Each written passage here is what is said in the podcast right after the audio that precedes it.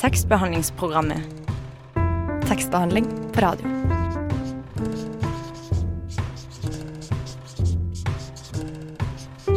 Tekstbehandlingsprogrammet.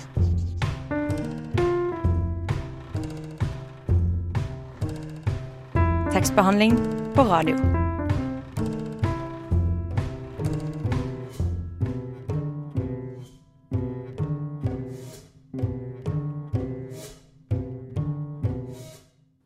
Velkommen til tekstbehandlingsprogrammet. I 2013 debuterte Victoria Kielland med prosasamlinga I Lyngen, som hun blir nominert til Tarjei Vesaas debutantpris for. I år kom hennes første roman ut på forlaget No Comprendo Press. Kielland kommer hit i dag for å snakke med oss om boka Damir. I studio denne onsdagen finner du meg, Stine Spjelkavik Hansen, og her ved min side sitter Malene Storesen. Eh, Malene, har du rukket å lese noe nytt i det siste? Uh, ja, jeg har jo lest mye om, uh, om skam. Mm. Nettet florerer jo av eh, ytringer og meninger om, eh, om serien, og det, det er innmari gøy å lese. Og se, da, ikke minst. Ikke minst. Eh, men ellers så har jeg jo lest 'Damyr', boken som vi skal prate om i dag. Eh, og den likte jeg veldig godt. Det, det er jo en bok som bryter med romansjangeren, eh, kan man vel egentlig si. Og er skrevet i, i ett. Eh, og så er den litt sånn Den er litt lyrisk i formen. Eh, den handler jo om eh, egentlig veldig mange ting. Eh, eller veldig mange historier i, boka. Eh, og så handler det mest om, om hovedpersonen, eller denne 14 år gamle Aurora. Så det blir mer spennende å få forfatteren inn her i dag. Mm, det blir det. Og før vi får Victoria Kielland inn i studio, så skal vi høre låta 'Lakrisbåter' av Tusen takk. Det var Tusen takk med lakrisbåter. Nå har vi i tekstbehandlingsprogrammet fått besøk i studio. Velkommen, eh, Victoria Kielland. Eh, I vår kom de andre bok, eh, 'Dammer' ut. Hva er den boka handler om? Godt spørsmål. Um, den handler om uh, veldig mange ting, men um, jeg burde vel kanskje vært bedre til å pitche den boka her nå uh, enn jeg har vært. Men uh, det er vel um, en oppvekstskildring fra Fredrikstad, der jeg kommer fra. Mm. Em, samtidig som den handler om en del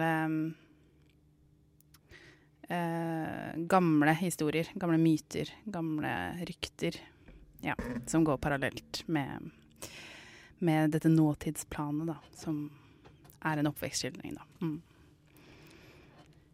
Uh, vi lurer på hva er eh, Dammer? Uh, hvorfor har du valgt det som tittel på boken din? Uh, det er um, Det kan minne litt om Alnabru. Det er um, bare veldig mye mindre. Det er kanskje 100 meter.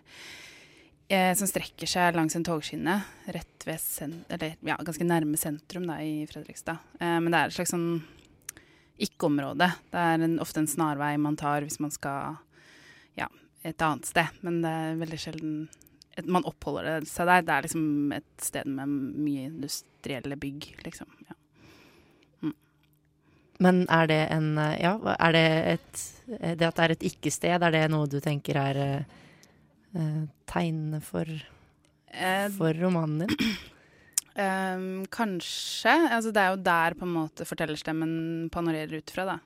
Så den kommer alltid tilbake til Damyr. Uh, så den står på en måte mm, på begynnelsen av sentrum, da, kan man si. Altså den står ved, ved bru. Det er også noe som heter Damyrbrua, som også er uh, en del av romanen. Um, hvorpå fortellerstemmen forteller derfra. Eh, og det har nok også med at det er en, et, en vei jeg har gått veldig mye. Så den har alltid vært eh, Jeg har gått den når jeg har gått til skolen, jeg har gått den eh, når jeg har gått til byen. Ja, jeg er jo et sentrumsbarn, så det er liksom et område jeg har brukt mye, da. Mm. Mm. Dette var jo de andre bok, og den første boka di var jo en suksess med nominasjon til Tarjei Vesaas debutantpris. Har dette liksom vært den vanskelige andre boka? Eh, nei, egentlig motsatt. Jeg syns det var den fæle første boka, og dette var den lettende andre boka. Um, faktisk. Så denne har vært um, denne, den her er jo mye mer ordrik enn den første boka. Den første boka er ganske knapp i sin form. Um, mens her har jeg liksom tenkt at alle ord skal finnes. Uh, og det tror jeg kanskje den har fått til, da.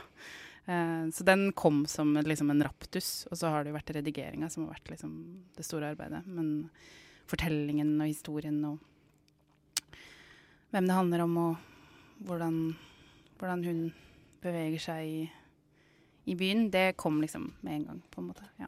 Mm. Og Nå tenker jeg at vi kanskje har lyst til å høre deg lese litt fra boka. ja. Um, jeg tenkte jeg kunne lese en bit jeg aldri har lest før, men som jeg veit at flere av de jeg kjenner godt liker. Um, det er da rett og slett første side i boka. Etter istiden lå det igjen en enorm endemorene fra Jeløya til Halden, det såkalte raet.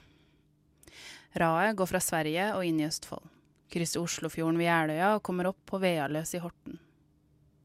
Da isen trakk seg tilbake og landet hevet seg, ble endemorenen liggende igjen som svære voller i landskapet. Landet steg, og områdene utenfor raet ble til del slettelandskapet som i dag kalles Rygge, Råde, Onsøy og Borge. Smeltevannet hadde funnet veien under isen, og da isen trakk seg tilbake, fulgte havet etter. Og opp av havet steg Østfold, med brede morenerygger og store elvedaler. Raet lå der som en fold i det fuktige deltaet. Og øst for folden lå fossefallene og vassdragene. Grus, sand og leire førte til en oppstuing av Glommavann som likevel måtte videre, og vannet fløt ut i et omfattende delta. Deltaet begynte i Vartei, der elva delte seg i to. Vestre løp fikk navnet Mingevannet, mens den store floa som rant sørover fra vestenden ble hetende Vestvannet. Mingevannet og Vestvannet rant, rant begge ut i Ågårdselva. I øst ble hovedløpet Glengshølen dannet, og det strakte seg som en lang arm mot nord. Armen fikk navnet Nipa. Nipa sildret like nord for Sarpsfossen. Ågårdselva brøyt seg gjennom raet og rant ned i Smalelva, ut i Skinneflå i vest og Visterflå i øst. Skinneflo løp ut gjennom Seutelva, over gamlebyen i Fredrikstad. Delte elva byen mellom seg. Østerelva på den ene siden, Vesterelva på den andre. Det var også her Seutelva munnet ut. Fredrikstad. Det fuktige deltaet ble delt inn i tre store øyer. Tunøya, Rollsøya og Kråkerøy. Glomma strakte armene sine gjennom hele fylket og preget landskapet med dammer, myr og sumpområder. Jernalderens gravminner ble plassert langs den enorme endemorenen, og gravene lå spredt gjennom hele Østfold. Da den svenske biskop Jens Nilsson dro for å kartlegge landskap, gårder, elver og fjell fra Østfold til Bohuslän på slutten av 1500-tallet, reiste han langs raet. Over hele raet lå det bosetninger. De eldste, største og rikeste gårdene lå som perler på ei snor i den fruktbare jorda. De store ferdselsveiene strekker seg mot Sverige.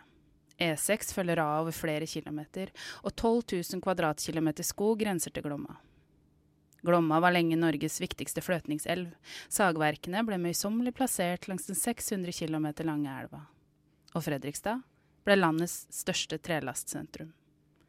Plankeadelen økte raskt sitt omfang, og i over 100 år fløt tømmeret nedover vassdraget. Sakte, men sikkert opphørte all tømmerfløting, industrien forsvant, og adelen dro videre. Men vannet fortsatte, i strie strømmer nedover elva, og det eneste minnet som lå igjen, var Plankebyen. Fredrikstads kjælenavn, Plankebyen. Et enkelt ord, et bevis på at elva en gang hadde fylt byen med arbeidsplasser.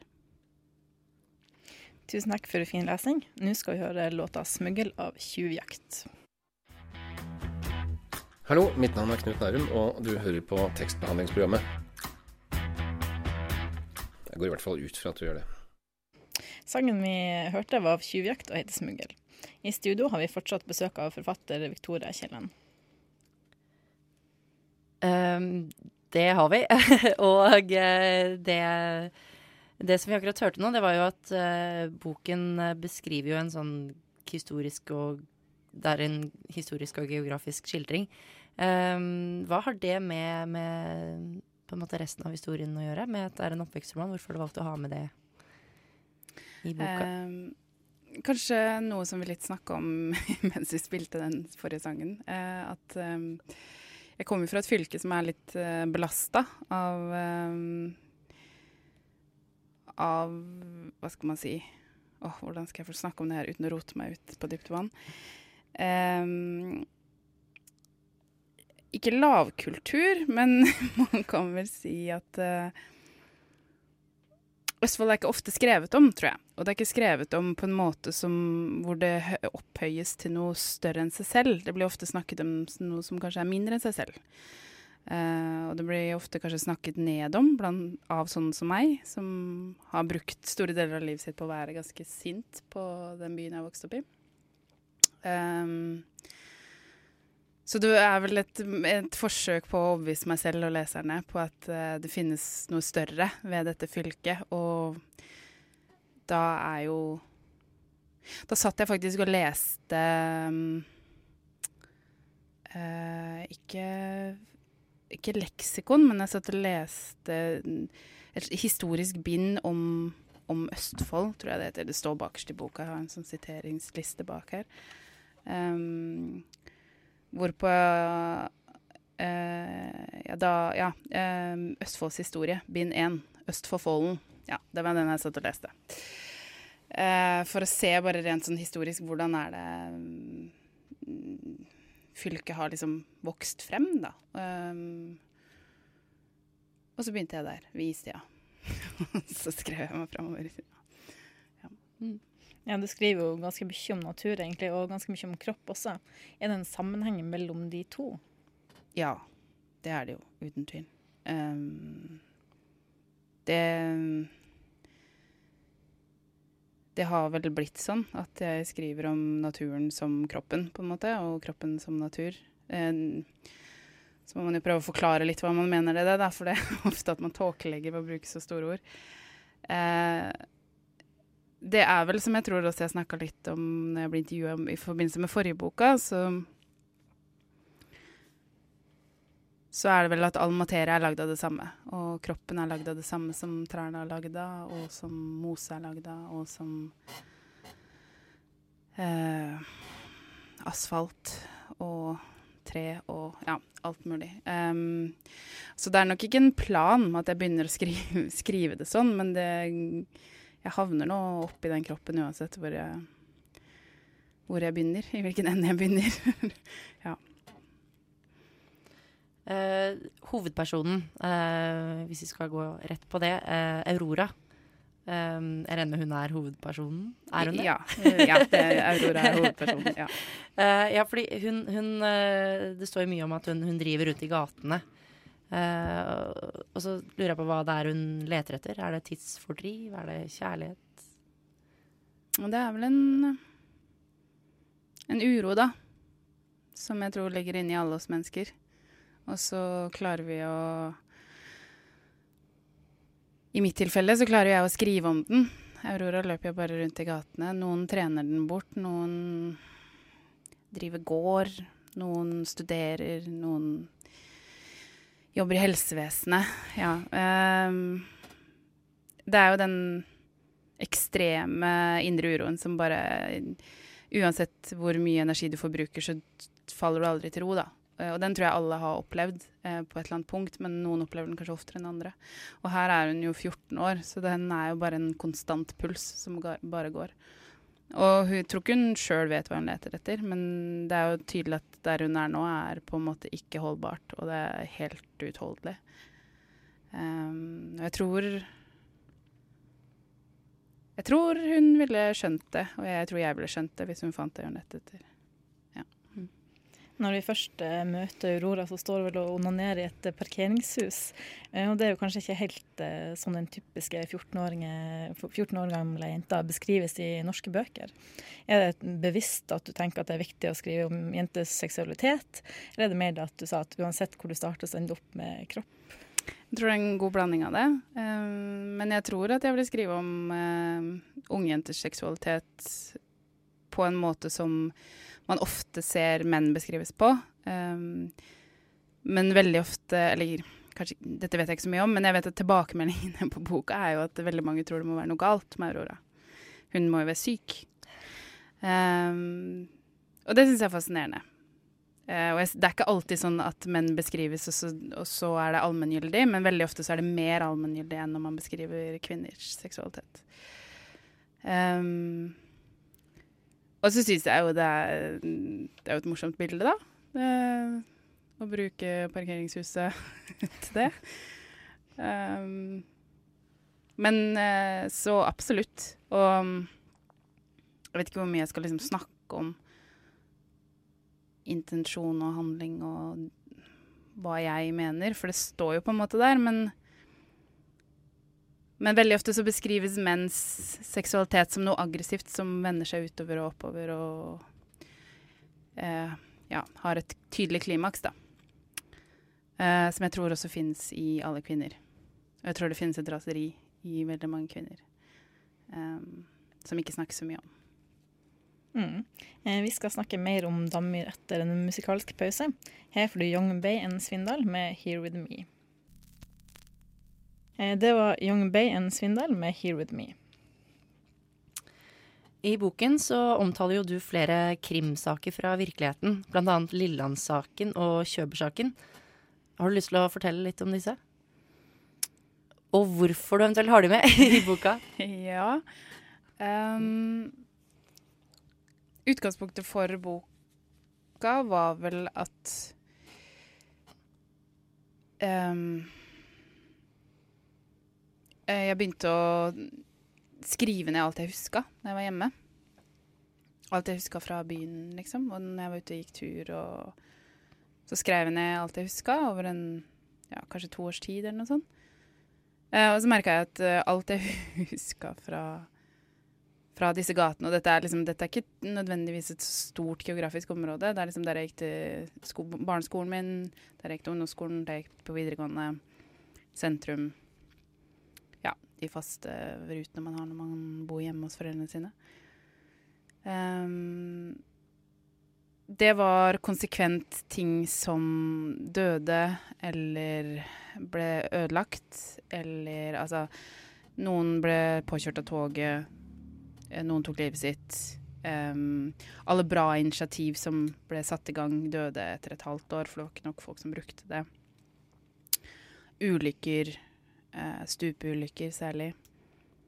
Um, så, så, så, den røde tråden i det var jo at, uh, at, alt i den byen jeg har vokst opp i, dør jo. uh, og så begynte jeg å da lete litt mer, da, og prøvde å ja, se lete med bakover. Hva, hva er det med denne byen som gjør at alt bare slutter å puste?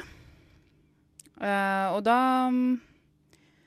Fra et dramaturgisk perspektiv så kan man jo si at jeg var heldig at det har skjedd disse to veldig triste, uoppklarte mordsakene. Men de er jo også for det første veldig spennende, da. Altså det finnes ingen løsning på de, og de har prega byen helt enormt. Um, og den Køber-saken er jo helt vill fortsatt, eh, i mitt hode. Eller sånn som jeg opplever det. Det handler jo om altså, spiritismen på 1930-tallet. Og hva, at det var opplest og vedtatt i enkelte kretser, og store kretser, at uh, dette var en vitenskap. Det å snakke med de døde og komme i kontakt med den andre siden. Um, og så skjer det noe der i Køber-familien som jeg ikke trenger å si så mye om. Men uh, som um, var en, um, en sak som fylte media veldig. Altså det var over alle sendeflater, alle aviser forholdt seg til denne saken. Hvorvidt eh, hun var skyldig eller ikke, det var anklaga for. Um, og nå kan jeg bare si at mye av det jeg bruker i boka, er jo har jeg jo lest i Ivo de Figredo sin uh, eh, 'Mysteriet Ingeborg Køber'. sånn at man kan jo først gå dit og så lese den. Da får, tror jeg man får mer ut av min bok.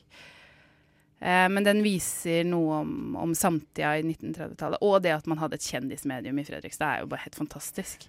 Hun reiste jo rundt i hele Europa eh, og snakket med de døde og leste uåpna brev og eh, Ja, hun var, um, var Snåsamannen and beyond, liksom. Ja, hun var stor.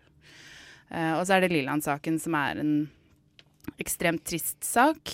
Um, som var um, to stykker som ble drept med øks uh, i et lite anneks. Hvorpå man um, trodde man hadde dømt riktig mann, og så viste det seg at det hadde man ikke. Men man falt aldri noe svar på hvem som gjorde det. Uh, og det som jeg også ble fascinert av der, var jo at dette skjedde rett overfor min barneskole. Ja, Så det var også noe med at hvorfor hadde jeg ikke hørt om dette når jeg har gått på den barneskolen i sju, år, liksom. Ja, Mm. seks-sju år. Um, så det svar, Svaret er vel at uh, at, at Fredrikstad har på en måte har alle disse historiene, og de, i hvert fall sånn som jeg opplevde, så har det ikke blitt skrevet om skjønnlitterært. Det blir skrevet om mye innenfor sakprosa. Og, men, men rent sånn ja, løfte det opp på et nivå hvor vi kan snakke om det og prøve å se det på nytt. da. Det er kanskje noe sånt. ja. Mm. Mm. Hva slags rolle spiller disse sakene da, på en måte for Aurora eller for hennes eh, historie i boka? Um, det er litt vanskelig å snakke om uten å gi liksom, svaret på gåten. Uh, men det er jo ingen gåte. Altså, det er jo uh, Hun lever jo livet sitt der, og det går bra og dårlig. Og de sakene er vel en slags sånn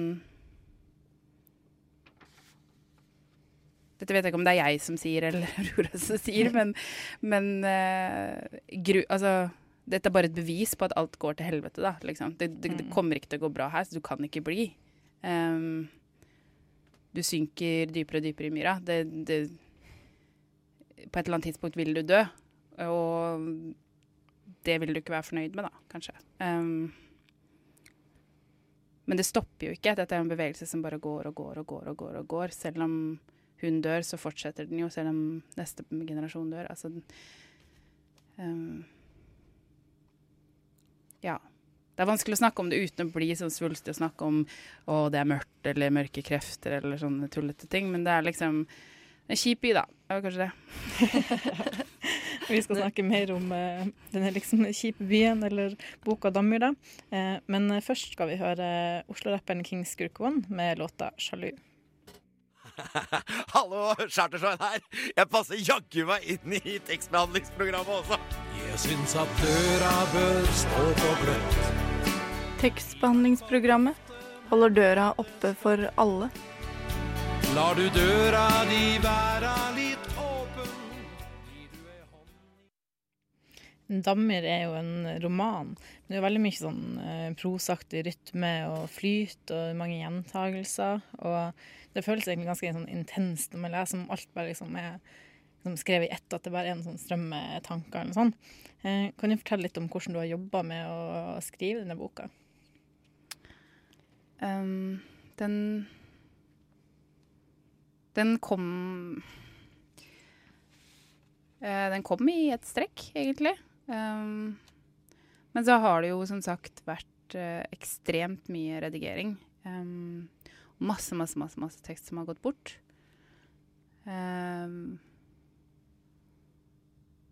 og så har det vært en drøfting mellom meg og min redaktør hvor mange åg og hvor mange komma vi får lov til å den- la stå i den siste utkastet. Ehm,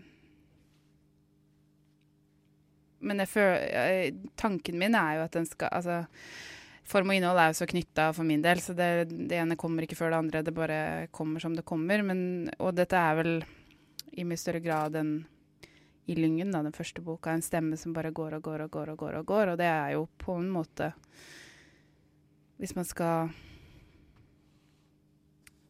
prøve å si noe om Auroras indre uro, altså en stemme som ikke klarer å slutte å snakke, da. Og hvis man slutter å snakke, så Hva skjer da? Det er jo det den boka ikke vil ta stilling til. Så da må man bare holde seg flytende og snakke.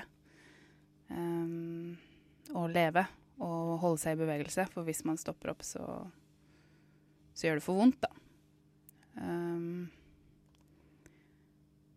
så det, det var egentlig bare sånn fra starten av, men den tolkningen jeg hadde av min egen tekst nå, den kom litt seinere, da. Den kom ganske seint. Så innsikten var nok ikke der jeg begynte å skrive, men um, den kom etter hvert. Uh, og så har det vært uh,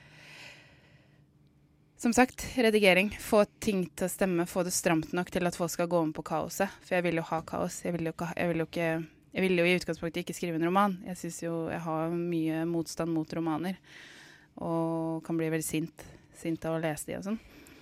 Um, så dette er vel mitt forsøk på å si at ja, hvis jeg må skrive en roman, så kan den prøve å være noe annet enn det alle andre romaner er. Og da har det gitt seg uttrykk i at det er mye komma, da. Få punktum. Så det Jeg tror jo denne stilen, eh, litt samme som i Lyngen, det får jo mange til å ikke lese den nå. Ja. Um, sånn er det. Det var sånn den historien skulle fortelles. Så, men jeg syns den jo har blitt bra, da. Mm. Du sa jo egentlig litt uh, om det nå, men det, eh, har, du har altså da prøvd å, å utfordre romansjangeren litt?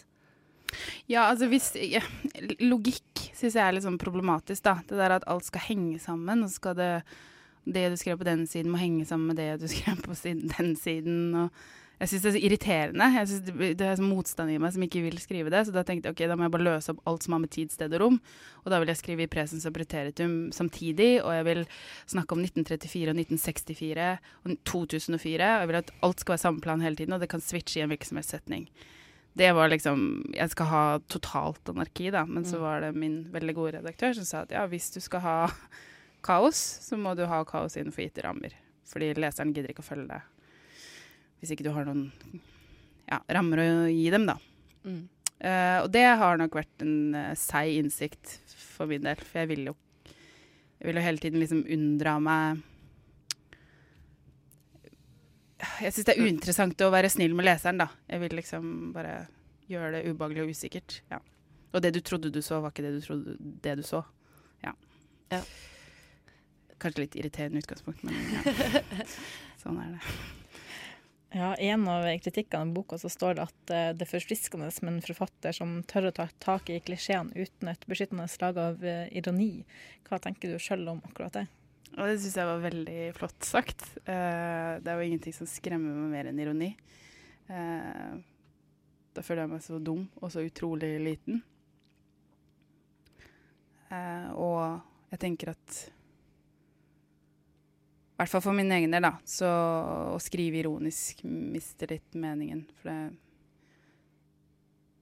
Når jeg først kan si noe sant, eller prøve å si det, og si noe om verden, så trenger de ikke å unndra seg noe. Da kan de i hvert fall prøve å peke på ting jeg syns er problematisk, eller dytte på noe, eller vise noe, en annen side ved et eller annet, eller altså Men eh, hvis jeg blir flink til å skrive ironisk en gang, så kan det hende at det skjer. Men, eh, men jeg merker sjøl når jeg møter ironisk litteratur, da, så så åpner jeg ikke opp for det. Jeg blir bare sint og fornærma og føler meg trua. Som om de har skjønt noe som jeg ikke har skjønt. Um, I en annen anmeldelse så skrev en anmelder at dette nok er en bok eh, du ikke skrev for å bli rik. Um, hva, hva slags motivasjon Eller er det, er det sant? Og eventuelt eh, hva slags motivasjon er det du da har for å skrive? Ja, nå må det nevnes at den, den anmeldelsen sto i Dagens Næringsliv. Ja, det- som, ja. som ene og alenes interesse er å fortelle folk hvordan de skal tjene penger. Eh, men eh, Nei, hva er det for en ting å si, da? Altså, herregud, selvfølgelig vil jeg tjene penger. Det er jo, altså, det er jo bare dumt eh, å si det. Eh, men det er vel hans måte å si ops, ops, smal sjanger. Um, Nei, altså jeg, jeg vil tjene penger og leve av det her som alle andre. Og så skriver jeg kanskje ikke en bok som alle vil lese, men eh, herregud så glad jeg er når jeg ser at boka står på bestselgerlista på Tronsmo. Altså, noe annet ville bare In your face, anmelder. Ja.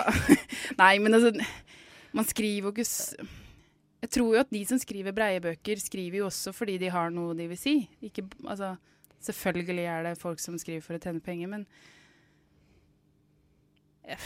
Nei. Jeg, jeg ble liksom matt av den anmeldelsen der.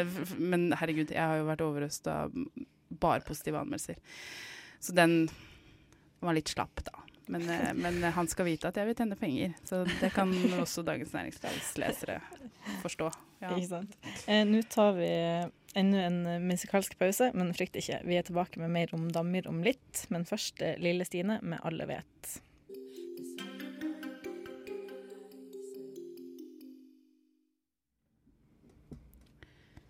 Det skumrer over dammer. Konturene av jernbaneskinnene blir spist opp av mørket. Tåka fyller opp søkken i bakken og tetner innover Dammerfjellet. Den glir ned over Dammerbroa og den våte asfalten, siver lydløst mot boligfeltet, nedover mot gågata og parkeringshuset. Det skumrer over dammer, og tåka glir lydløst innover byen. Innover gatene, langs fortauskanten og husveggene. Det sildrer i grøfte, grøftene og takrennene. Lysene fra søppelfyllinga på øra skinner i det fjerne. Og tåka siver ned mot McDonald's, oppover langs veggene på kjøpesenteret.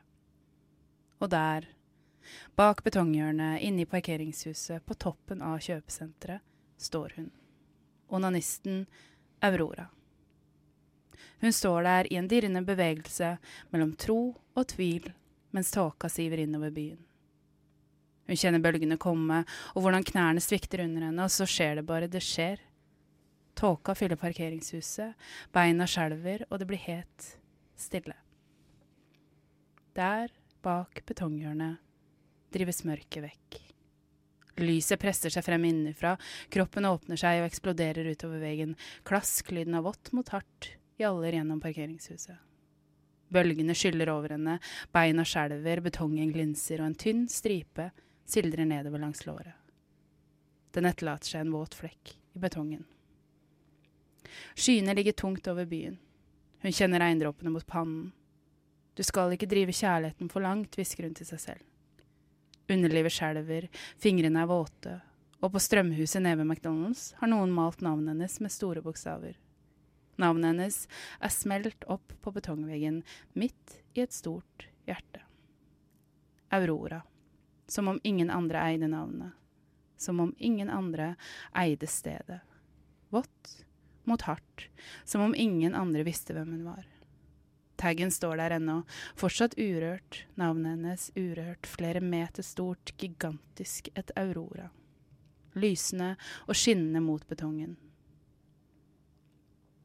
Lyden av vått mot hardt, og det står der fortsatt. En aurora, våt og hard, skinnende mot himmelen. Navnet skinner på veggen, og hun husker følelsen da hun så taggen første gang. Det ilte i magen og klatret oppover halsen. Hun klarte ikke å skille mellom kvalmen og gleden. Betongen var grå, og hjertet var blodrødt og skriften svart. Det rødeste av det røde. Det bare var der, rett foran henne. Det rødeste av det røde. Hjertet var smurt utover betongen bak rhododendronbusken. Det bare lå der. Det blodrøde navnet hennes. Kvalmen klatret oppover halsen, og Aurora sto foran navnet sitt og stirret rett inn i sitt eget hjerte.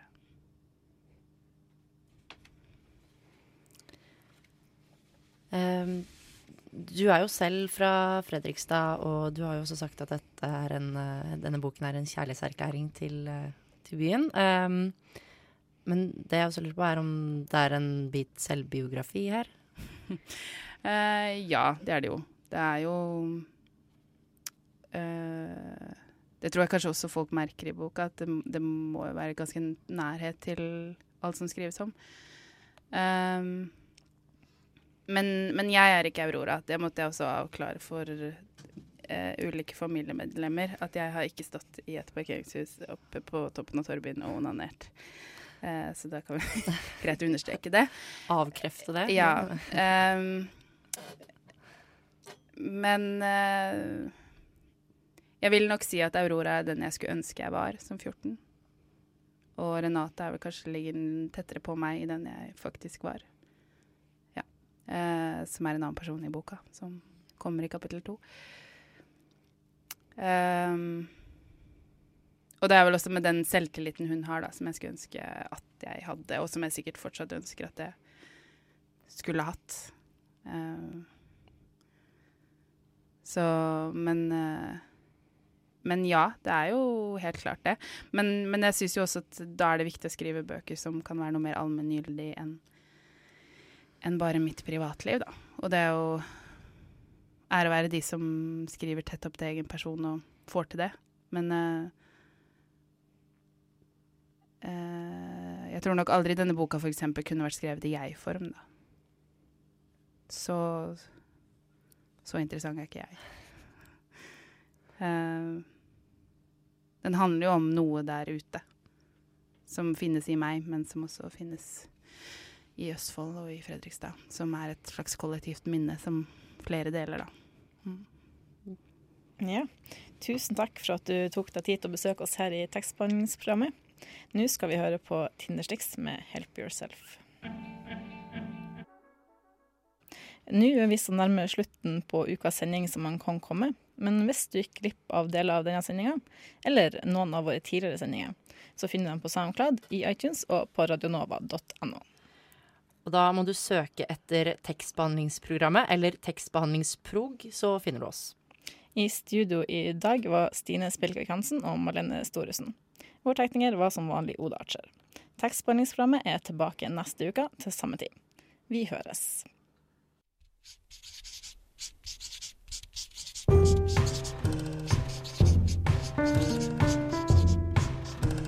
Tekstbehandlingsprogrammet. Tekstbehandling på radio.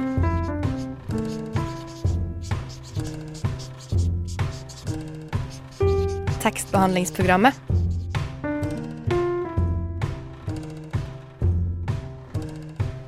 Tekstbehandling på radio.